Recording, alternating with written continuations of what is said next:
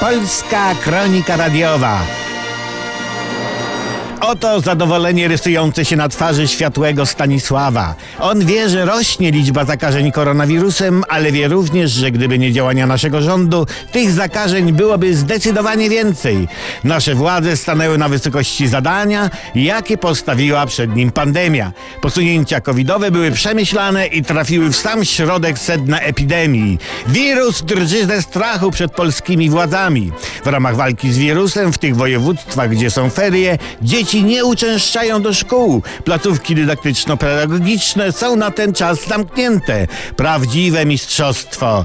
Rząd zawiesił działanie covid na czas Sylwestra Marzeń w Zakopanem, by w ten sposób wypracować wśród społeczeństwa odporność stadną. Gdzie jak nie w Zakopanem, gdzie tak malownicze są stada owiec. Posunięcie godne Churchilla. Vlastimila Churchilla, słynnego czechosłowackiego fliziarza, który ściągnął rozwiązanie krzyżówki od kolegi i wygrał encyklopedię.